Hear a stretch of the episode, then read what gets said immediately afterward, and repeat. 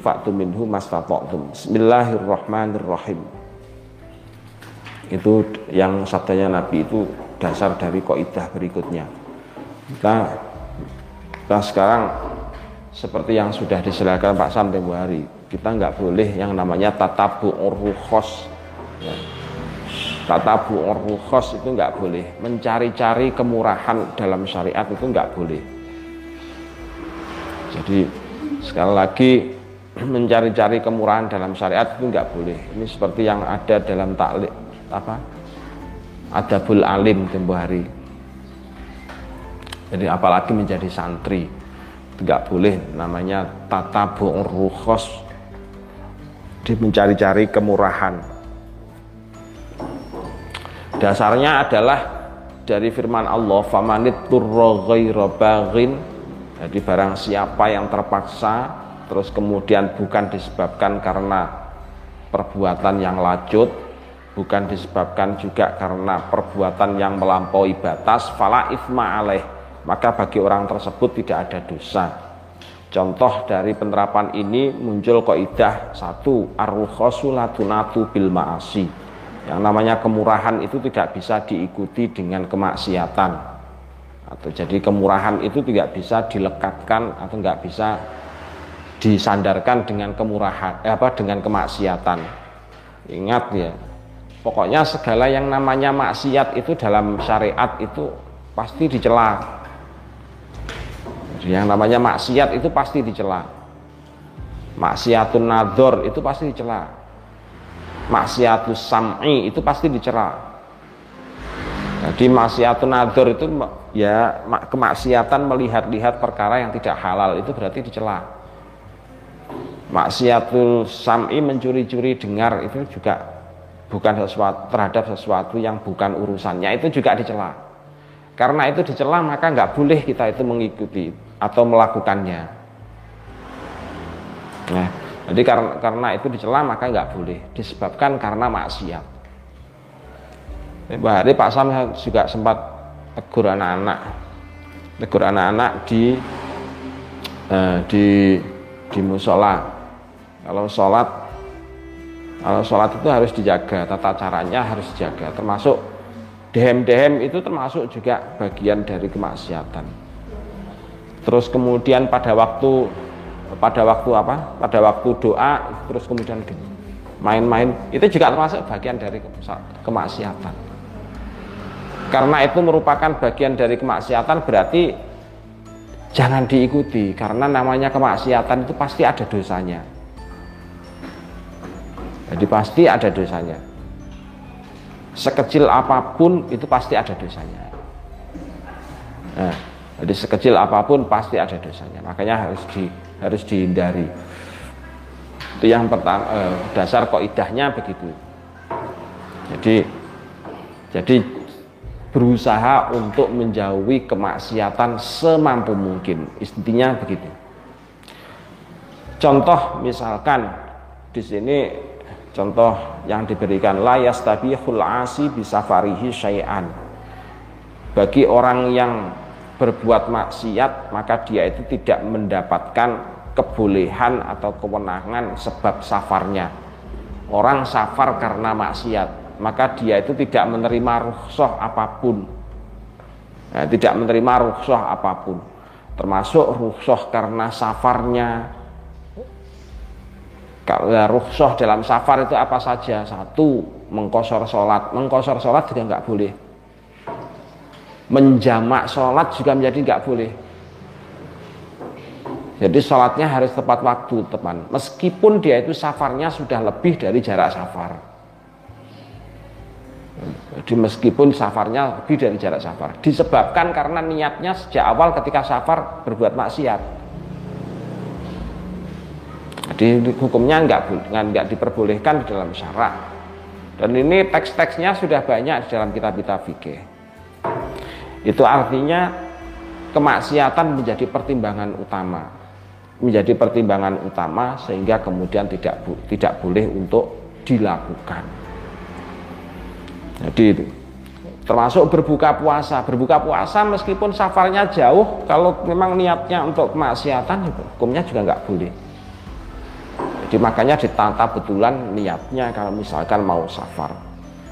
Yang kedua, layastabihul asi bisafarihi laukana mutirron aklal maitati walahmal khinzir. Termasuk misalkan orang yang safar, orang yang safar karena kemaksiatan, terus kemudian dia kelaparan, dia kelaparan, dia juga nggak boleh untuk kebolehan makan bangkai disebabkan karena terpaksa menjadi menjadi hilang disebabkan karena niat awalnya sudah salah. Disebabkan niat awalnya sudah salah. Termasuk makan daging celeng misalkan. Hukumnya menjadi juga nggak boleh. Disebabkan salah awalnya. Berarti akad salam pun aslinya juga begitu sama. Akad salam itu tempo hari sudah termasuk bagian dari yang dibolehkan karena hajat dalam sampai lihat lagi di rekamannya kan ada yang sudah dikirimkan Pak San ke grupnya sampai itu akad salam itu dibolehkan karena hajat. Kalau tidak ada hajat yang mendesak dan sampean semua itu kok kemudian menggunakan akad salam itu untuk kebutuhan yang bukan karena faktor doruroh maka hukumnya juga nggak boleh jadi belanja online itu kalau misalkan kok sampean itu tidak bukan karena terpaksa, hukumnya juga menjadi nggak boleh. Gitu ya. Jadi jangan kemudian hanya memanfaatkan as berhubung ini berhubung ini kelihatannya lebih murah kalau di belanja online as belanja online saja. Dilihat-lihat terpaksa atau tidak. Kalau misalkan terpaksa, soalnya di sini itu kalau misalkan belanja di sini justru malah barangnya mahal-mahal harganya mahal-mahal terus kemudian barangnya juga buruk-buruk. Nah baru berarti berarti ada keterpaksaan. Jadi afdolnya belanja itu tetap ada di toko sekitar kita. Nah itu. Jadi toko sekitar itu yang paling yang paling utama.